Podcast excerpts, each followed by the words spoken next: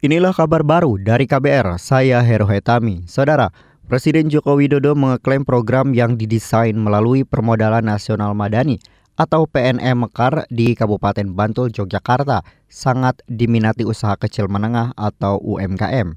Jokowi mengungkapkan jumlah nasabah PNM Mekar pada 10 tahun lalu hanya 400 ribu orang. Kini jumlahnya meningkat jadi 15 juta orang.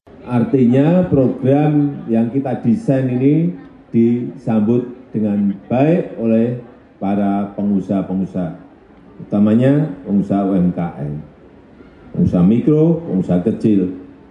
Presiden Jokowi berharap dengan bergabung di PNM Mekar, UMKM di Bantul, Yogyakarta diharapkan dapat naik kelas dari pengusaha mikro menjadi pengusaha kecil, lalu dari pengusaha kelas menengah meningkat jadi pengusaha besar.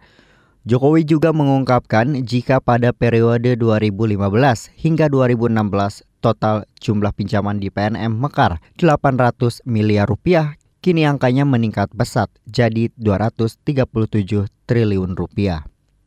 Kita beralih ke informasi selanjutnya, Saudara, Kota Singkawang di Kalimantan Barat menjadi kota paling toleran pada tahun lalu.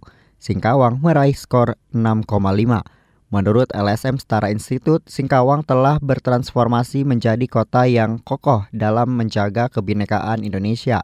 Tahun lalu Singkawang juga menjadi tuan rumah Festival Hak Asasi Manusia. Selain Singkawang, ada lagi sembilan kota lain yang meraih skor toleransi tertinggi, yakni Bekasi, Salatiga, Manado, Semarang, Magelang, Kediri, Sukabumi, Kupang, dan di urutan 10 ada Solo.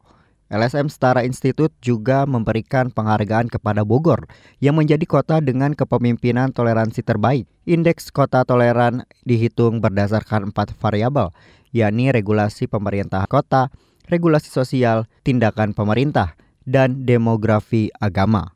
Pada 2022, Singkawang juga menjadi kota paling toleran di Indonesia, disusul Salatiga, Bekasi, Surakarta, Kediri, Sukabumi, Semarang, Manado, Kupang, dan Magelang.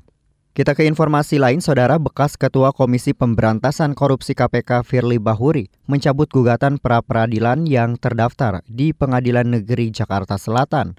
Kuasa hukum Firly Ian Sukandar mengatakan pencabutan itu karena berkas gugatannya ada yang ingin lebih disempurnakan. Kami telah mencabut permohonan pra yang dua kali kenapa pasalnya mungkin untuk secara materi hukum ini kami apa eh, sempurnakan dan juga untuk kepentingan eh, terkait dengan tujuan favorit sendiri.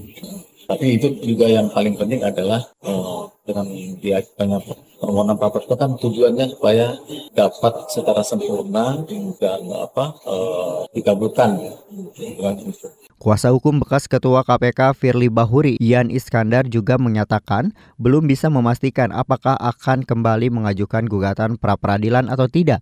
Sebelumnya bekas Ketua KPK Firly Bahuri mengajukan gugatan pra-peradilan atas penetapannya sebagai tersangka dalam kasus pemerasan terhadap ex-Menteri Pertanian Syahrul Yassin Limpo. Demikian kabar baru dari KBR, saya Heru Hetami, salam.